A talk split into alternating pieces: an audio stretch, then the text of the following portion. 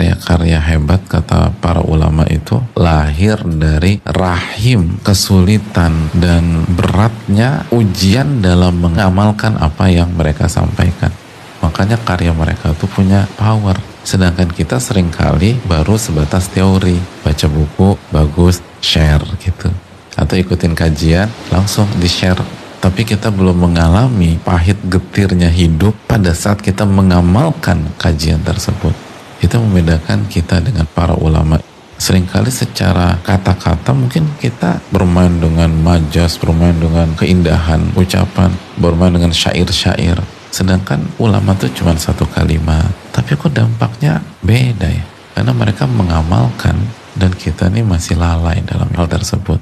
Kalau kita bisa sampaikan dan kita kerjakan apa yang kita sampaikan, itu makom tertinggi. Dan amar ma'ruf nahi mungkar kita tuh punya ruh hadirin, punya power